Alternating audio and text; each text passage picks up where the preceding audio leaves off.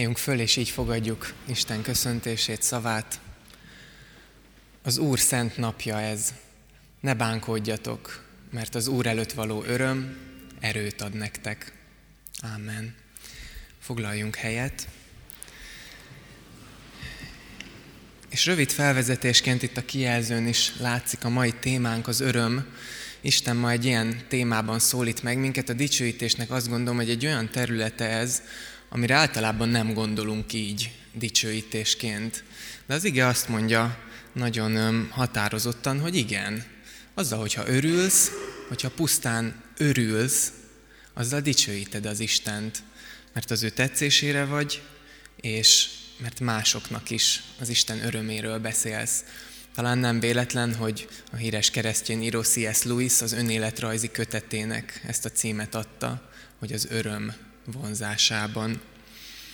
És a Biblia nagyon sok helyen beszél az örömről, nagyon sok mindent mond, de van azonban egy új szövetségi levél, és ez a levél fog majd minket vezetni a mai nap, amit az öröm levelének szokták hívni, mert ugyancsak négy fejezet hosszú, egy rövid levélről van szó, mégis az új szövetségi levelek közül ebben fordul elő a legtöbbször az öröm vagy az örülni kifejezés. Ez a Filippi levélről van szó. Minden más levél, sok hosszabb levél is van nála, de mégis Pálapostól erről beszél, ebben beszél a legtöbbször az örömről, úgyhogy erről fog majd szólni a mai tanítás. És azt kérem, hogy most szokásunkhoz híven köszöntsük egymást, mellettünk lévőt, és miközben ezt megtesszük, csak egy opcionális kérdés, kérdezzük meg a másiktól, hogy te mikor örültél a legutóbb úgy igazán az életedben? Mi volt a legutóbbi mély vagy kitörő örömöd? Beszélgessünk így, köszöntsük egymást, és utána énekelni fogunk. thank you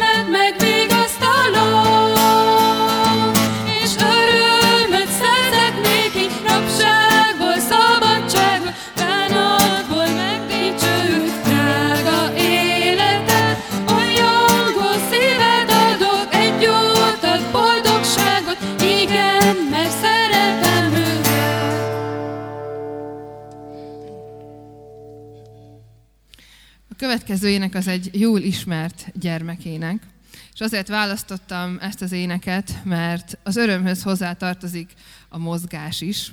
És bár itt nem tudunk táncolni, ahogy az előző énekben énekeltük, de ahogyan a gyerekek örülnek, a sokszor annyira őszinte és szép, és arra gondoltam, hogy egy ének erejére ma mi is felidézhetjük ezeket az érzéseket és pillanatokat. Úgyhogy most arra kérek mindenkit, hogy ezt a jól ismert, mutogatós gyerekéneket valóban énekeljük úgy, hogy el is mutogatjuk, és ezzel is kifejezzük az örömünket Isten felé, hogy olyan örömöt kaptunk, mint a forrás, és Ildikó segíteni fog a mutogatásban, ezt nem kell fejből tudni, ő mutatni fogja, hogy mit kell mutogatni.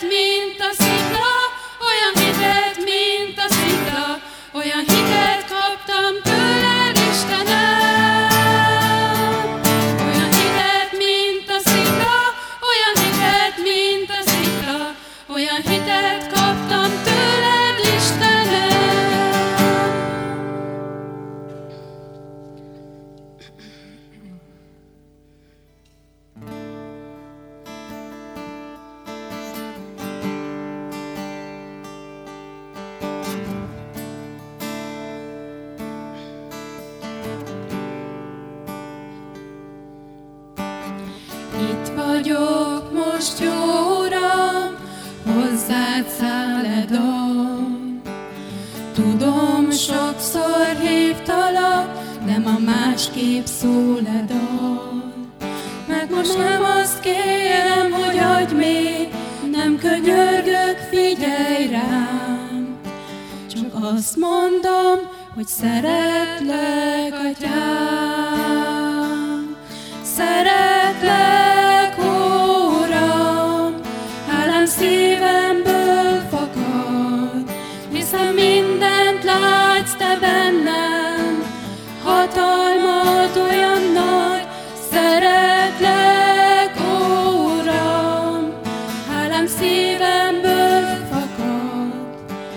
És éneklem, hogy áldott légy, Uram. Ismét térden állok én, s tudom, hogy hallgatsz rám. Sokszor hideg szavakat szól, kopott és halk imám.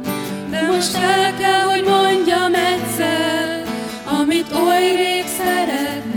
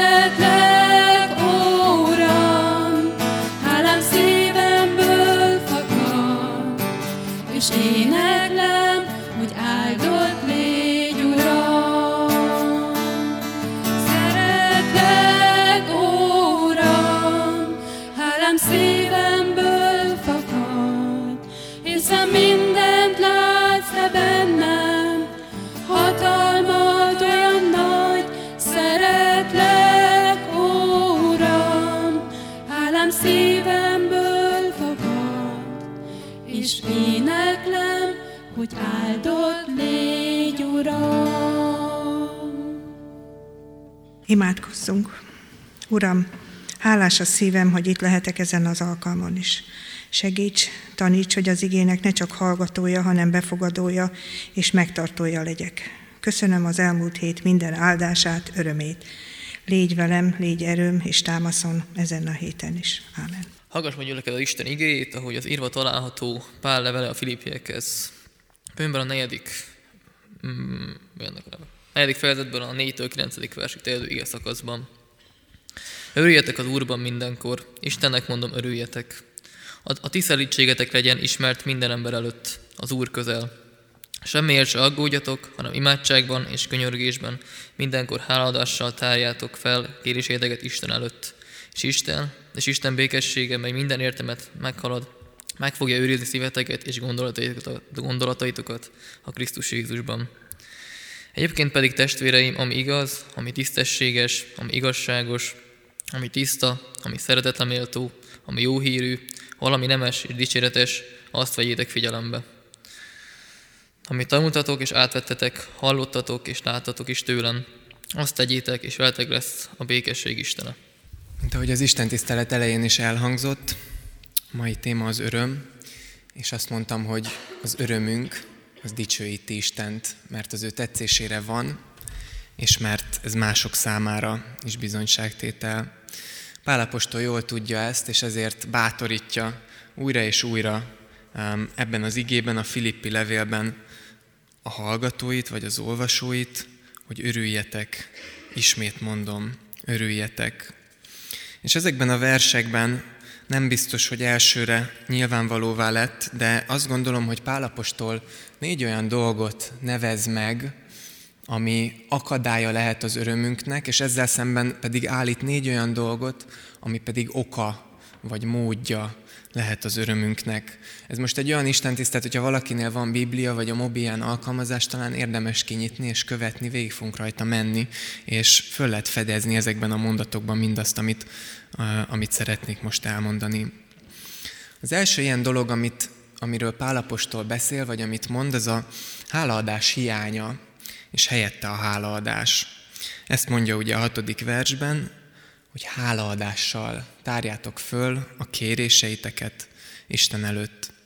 És azt gondolom, hogy ez egy nagyon alapvető kulcs az igében és az életünkre nézve, mert hogyha a hálaadás hiányzik az életünkben, hogyha nincs bennünk ott a hálaadásnak a lelkülete, ha nincs bennünk ott, hogy hálásak vagyunk azért, amink van, és nem pedig panaszkodunk, vagy szomorúak vagyunk azért, amink nincs, hogyha az imádságaink főként a kéréseink elsorolásáról, vagy a panaszaink elsorolásáról szólnak, akkor nagyon nehéz lesz azt megélni és megmutatni, hogy hogy lehet örömteli az életünk.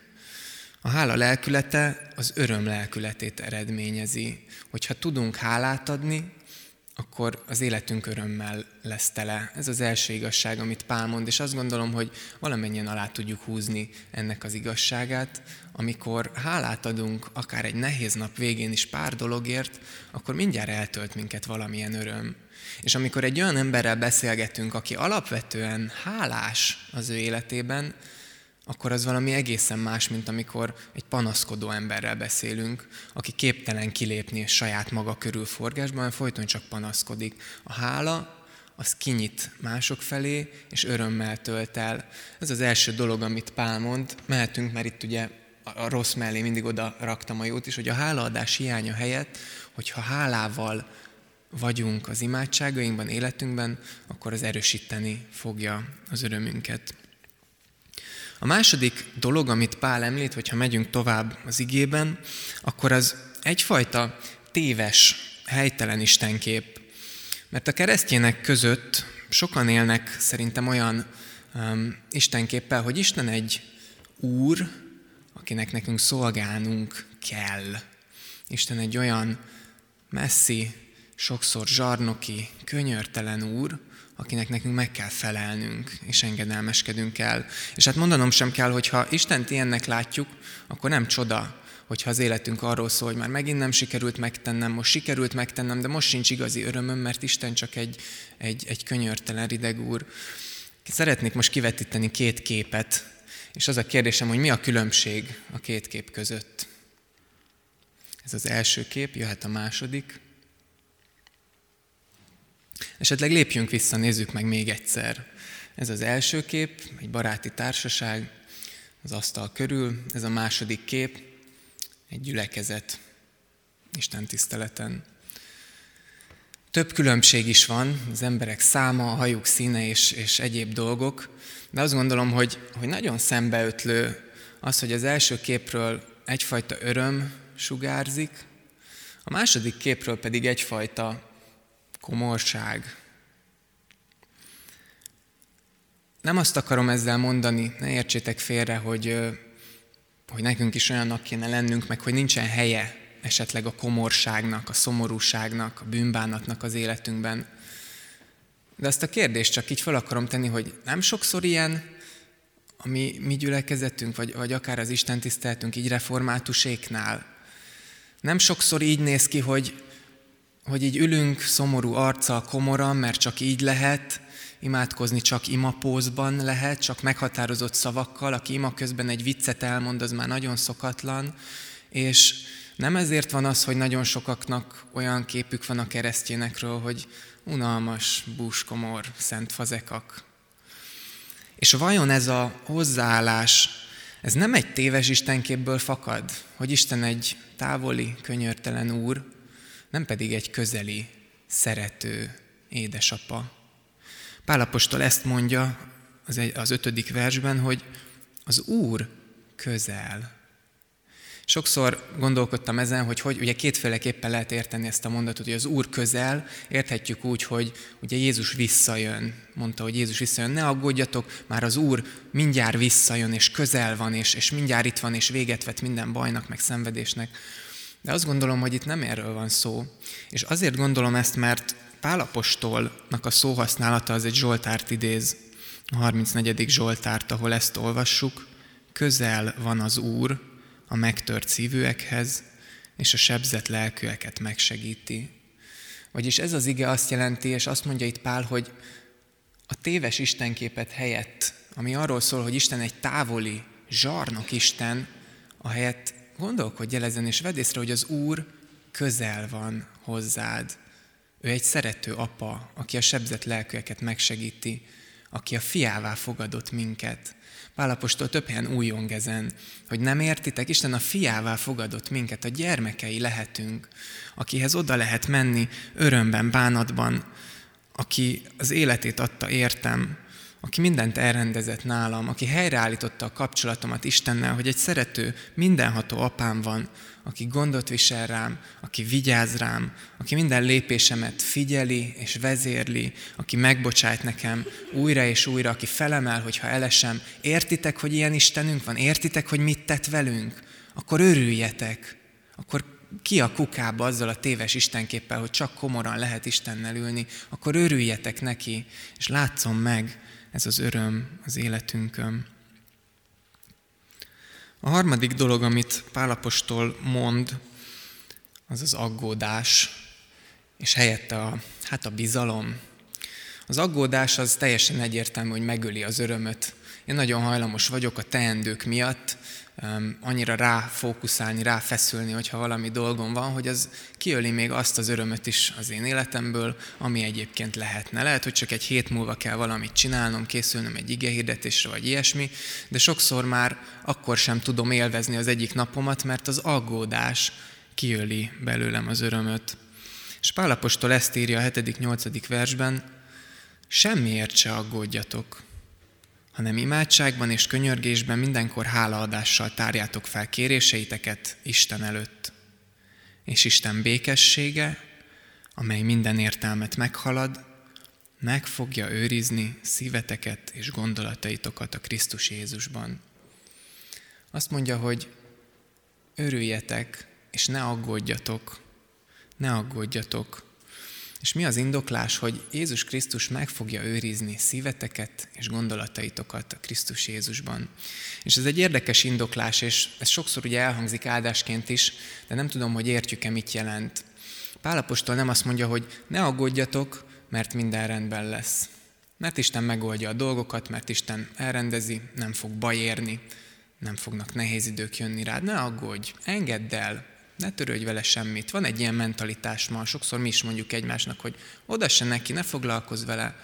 Pálapostól nem egészen ezt mondja, nem azt mondja, hogy ne aggódjatok, mert majd, majd csak lesz valahogy, hanem azt mondja, hogy Isten megfogja, Isten békessége, mely minden értelmet meghalad, meg fogja őrizni szíveteket és gondolataitokat a Krisztus Jézusban. Vagyis nem azt mondja, hogy nem lesznek nehéz időszakok, hanem hogy Isten ezekben a nehéz időszakokban is meg fog téged őrizni, mégpedig úgy, hogy a te szíved és a te gondolataid azok ott lesznek az Istennél, Istennél, ott lesznek az Isten előtt. Erre vonatkozik Istennek az ígérete, nem arra. Sokszor én is beszélgetek, hogy de hát Isten azt ígérte, hogy meg fog őrizni, meg fog engem menteni, akkor most miért jön ez a nehézség, akkor miért hagy el a párom, akkor miért rúgnak ki a munkahelyemről. Nagyon fontos, hogy jól értsük, amit az ige ígér. Nem mondta Isten, hogy minden rossztól meg fog őrizni. Azt mondta, hogy neki van hatalma, és ezt meg is fogja tenni, hogy minden körülmény között meg fogja őrizni a szívedet és a gondolataidat a Krisztusban. Ezért örülhetsz, ezért ne aggódj. És amikor ezt halljuk, akkor sokszor szinte tudattalanul, automatikusan, megpróbáljuk elhárítani magunktól ezt a dolgot, mondván, hogy de hát Pálapostól nem ismerte az én helyzetemet. Ő nem tudta, hogy én mibe vagyok. Mert ha tudta volna, biztos nem írta volna ezt, akkor biztos azt írta volna, hogy örülj az esetek 95%-ban, de igazad van, ahol te vagy, Zoli, ott most ne örülj, azért az elég, elég kemény gáz, itt most tényleg szomorkodhatsz. Csak az a probléma, hogy Pálapostól ezt a levelet a filippi beliekhez írta, és hogyha a levelet olvassuk, akkor több helyen látjuk, hogy ezeket a filippieket üldözték a kereszténységük miatt. Keresztjénné lettek, és a városban élőktől, barátjaiktól, talán a családjuktól is rengeteg üldözést kellett elszenvedniük. Gúnyolódást, megvetést, akár fizikai erőszakot is.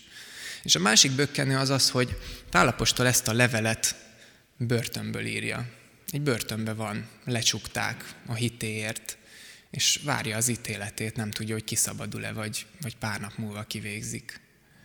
Szóval amikor azt mondjuk, hogy Pálapostól nem ismerte az én helyzetemet, akkor érdemes ezt az eszünkbe idézni, hogy Pálapostól nem csak ugye levegőbe úgy éppen Ibizán ült valahol, és napozott, és írta a levelet, hogy hát örüljetek az Úrban, mert olyan szépen süt a nap, hanem börtönből írta üldözött keresztényeknek, és 14-szer leírja ebben a rövid levélben, hogy örüljetek. Ismét mondom, ha esetleg ki akarnátok húzni ezzel, örüljetek, mert Istenben van okotok az örömre, mert ő meg fog titeket őrizni, mert örök életet adott nektek. És tényleg aláhúzza ezt egy könyv, amit olvastam, talán nem is tudom mikor, Csíkszent Mihályi Mihály, elég troll szülei voltak ennek valakinek, de Csíkszent Mihályi Mihály írt egy könyvet, az a címe, hogy Flow, tökéletes élmény pszichológia, egy, egy híres könyv a pszichológusok között, és röviden azt írja le ebben a könyvben, hogy nagyon sok embert interjú volt meg, rengeteget kutatott, és azt kutatta, hogy mi a boldogságnak a forrása, mi az örömnek a forrása. És ő is megerősít, és azt mondja, hogy nem attól boldog valaki, hogy milyennek a körülményei, mert sok olyan emberrel beszélt, akinek minden körülménye megvan és boldogtalan, hanem attól boldog valaki, hogy hogyan éli meg a körülményeit. Mert van olyan, akinek nagyon rossz körülményei vannak, de boldog.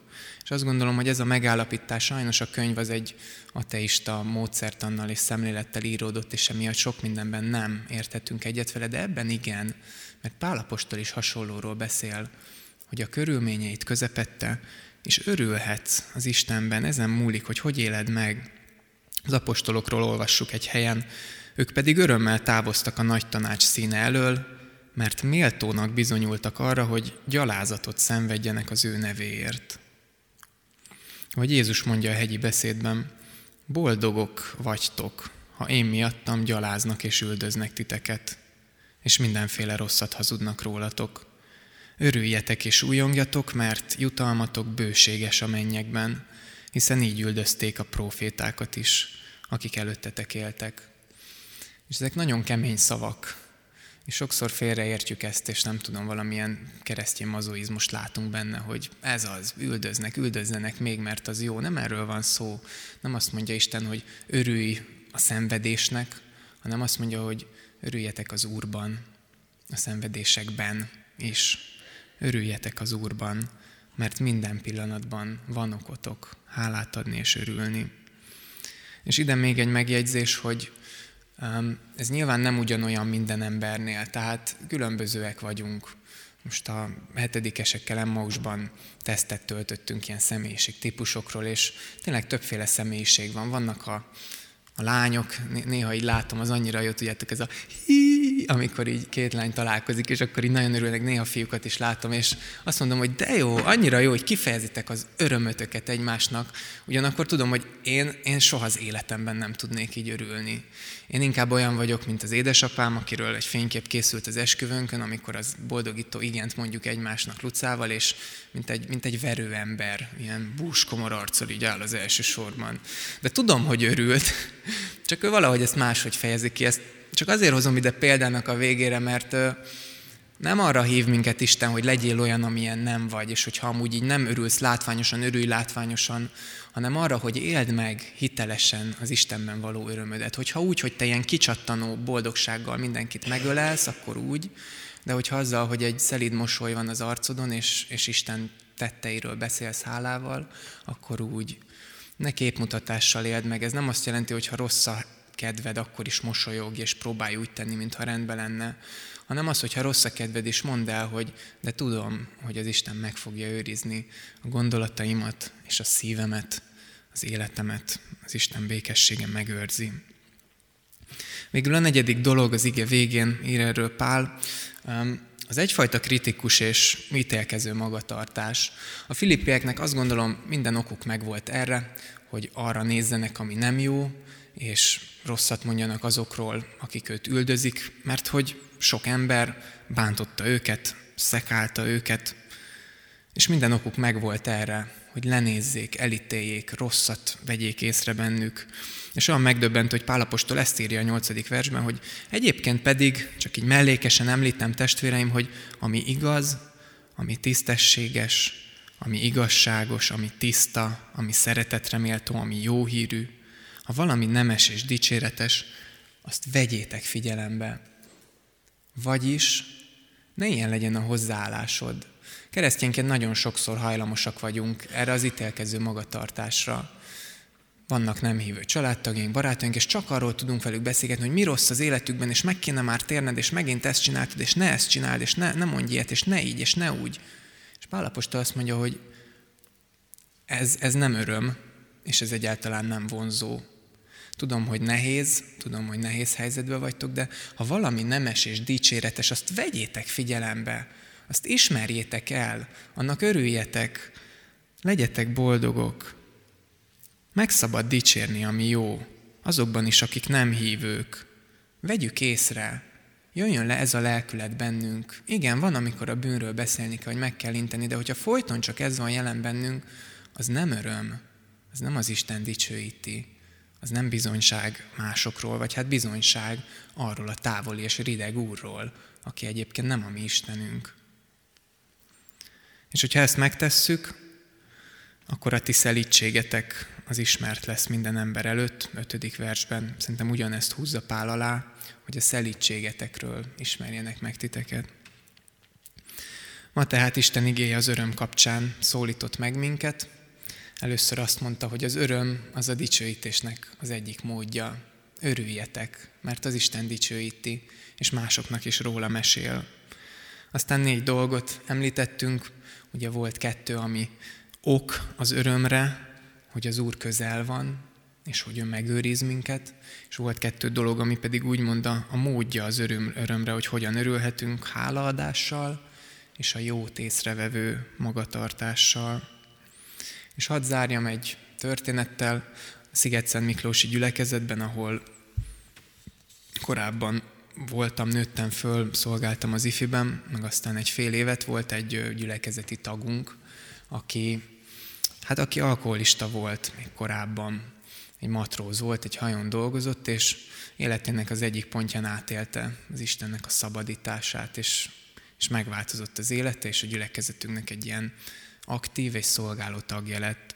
És ő mesélte el egyszer egy ilyen élményét, hogy ők ugye a hajóval, ezek a matrózok hosszú utakra mennek, tehát hogy nem úgy van, hogy 8 órát dolgozik egy nap, hanem ott vannak sokáig, és mondta, hogy volt egy hosszú nap, kevesen voltak, nem volt mit csinálni, és lement a hajó gyomrába imádkozni, hálát adni az Istennek, megköszönni, amit átélt, és annyira élvezte az Isten jelenlétét, hogy egy ponton azt mondta, hogy ez volt az imádsága, nagyon furcsa imádság, hogy Uram, ne adj nekem több örömöt, mert nem bírom elviselni.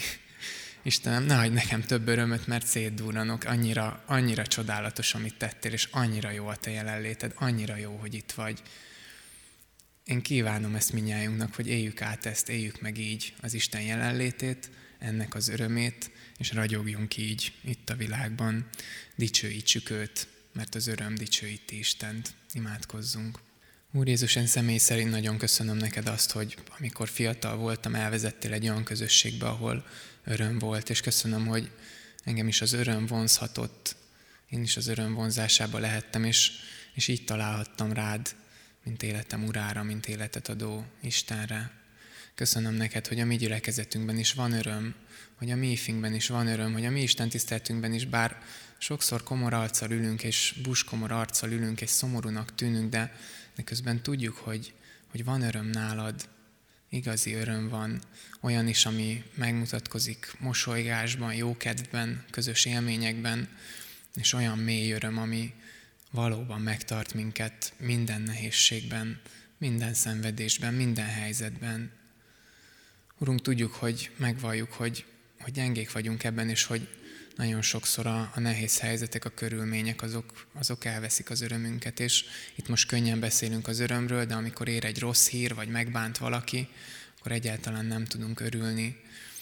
És olyan nagy kegyelem, amikor ebben a helyzetben eszünkbe jut egy ige, vagy valahogy megérintesz, és emlékeztetsz, hogy, hogy örülj, mert van okod, mert az Isten szeret téged, mert apáddá lett, mert ott van a sebzett szívűeknél, a megtört lelkűeknél.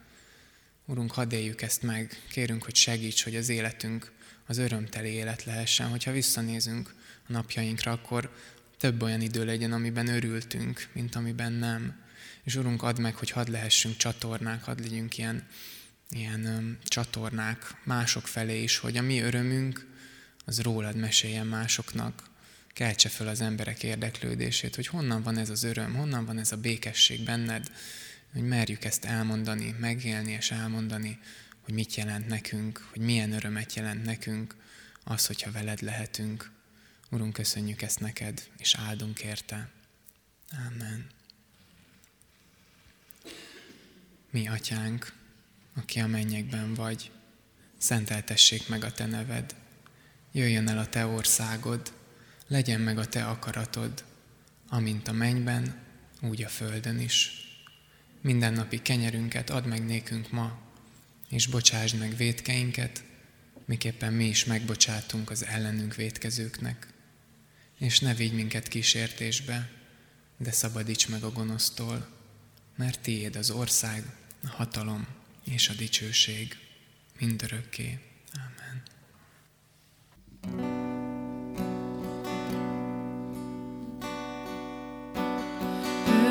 Örvendjetek,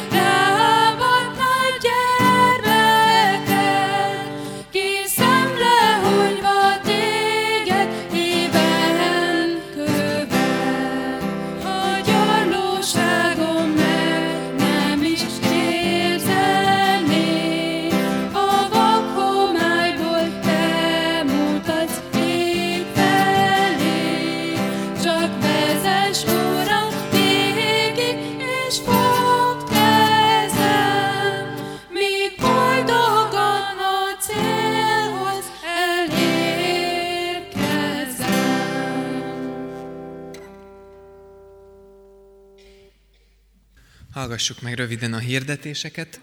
Először is örömmel adunk hálát azért az örömért, ami elmúlt szombaton tegnap ért minket, ugyanis egy fantasztikus nap lehet mögöttünk, egy regionális refisz napon vettünk részt az Arborétumban, 70-en voltunk, körülbelül ebből csak 20 kecskeméti jöttek, Szolnokról, Szegedről, Nagy és Kiskörösről, kettő nincs egymás mellett, én sokáig azt hittem, és mindenféle helyről, és hát a víz volt a téma, ez volt a napcíme, hogy tiszta vizet a pohárba, több, ez egy csoportbeszélgetés, több téma, az pont a, igen, több téma volt, amiben tiszta vizet öntöttünk a pohárba, illetve olyan értelemben is öntöttünk tiszta vizet a pohárba, hogy, hogy Jézusról szólt az ige hirdetés, aki az élő víz, és ezt ígéri nekünk, és hogyha valakinek kiürült a pohara, akkor reméljük, hogy úgy tudott hazamenni, hogy ez föltöltődött. Előttünk álló programokat hirdetem. Az egyik az az ifik, az időpontjaik ki voltak vetítve, meg az interneten is elérhetők. Hogyha nincs még ifi közösséged, gyere el, várunk szeretettel az ifi galérián ezekben a időpontokban. Hirdetem, hogy jövő hétvégén lesz a 72 óra nevű um, programunk. Ez egy szolgáló program, ide olyan emberek jelentkezhetnek, akik szeretnének szolgálni mások felé, és azért hirdetem, mert múlt héten mondtam, hogy szerdáig lehet regisztrálni, ezt vasárnapig meghosszabbították, szóval ha valaki jövő héten véletlenül mégis elmenne erre a programra, akkor még föl tud lépni az internetre, beírja, hogy 72 óra a Facebook keresőbe, vagy a, az interneten a keresőbe, és ki fogja dobni a regisztrációt. Gyertek, tök, sokan vagyunk, eddig több mint 50-en innen Kecskemétről, ennek a fele református, és hát különböző feladatokat fogunk majd teljesíteni, meg, meg lesz ennek egy közös nyitó, meg záró ilyen csapatépítő része is. Hirdetem, hogy novemberben vannak majd programjaink, lesz egy filmklubunk valamikor, egy közös ifis kirándulásunk, ez azt jelenti, hogy ökomenikus, tehát jönnek a katolikusok, baptisták, pünkösdiek, és együtt tervezünk egy közös kirándulást, illetve lesz majd egy ilyen szolgálói napunk is novemberben, ezekről több info hamarosan gyülekezetünk további híreit pedig megtaláljuk a kiáraton, a hirdetőlapokon. Innen is egyet hadd emeljek ki, hogy az alfa kurzusunk, ami ugye egy olyan 10 hetes sorozat, egy-egy vacsorával egybekötött beszélgetés, ahol a keresztény hit alapjaival ismerkedhetnek meg azok, akik erre nyitottak és akik erre kíváncsiak. Szerda esténként lesz, és nem most következő héten, hanem egy héttel később van az első alkalom, illetve most következő héten van, van egy ilyen egy ilyen nulladik alkalom, ahol el lehet jönni, hogyha csak érdekel ez, és meg akarjuk nézni. Bátorítok mindenkit, hogyha érdekli, akkor jöjjön el, és hogy hívjon olyanokat is, akiket ez érdekelhet. Álljunk föl, és Isten áldásával menjünk. Semmiért se aggódjatok, hanem imádságban és könyörgésben mindenkor hálaadással tárjátok föl kéréseiteket Isten előtt és Isten békessége, amely minden értelmet meghalad, meg fogja őrizni a ti szíveteket és gondolataitokat a Krisztus Jézusban. Amen. Áldás békesség!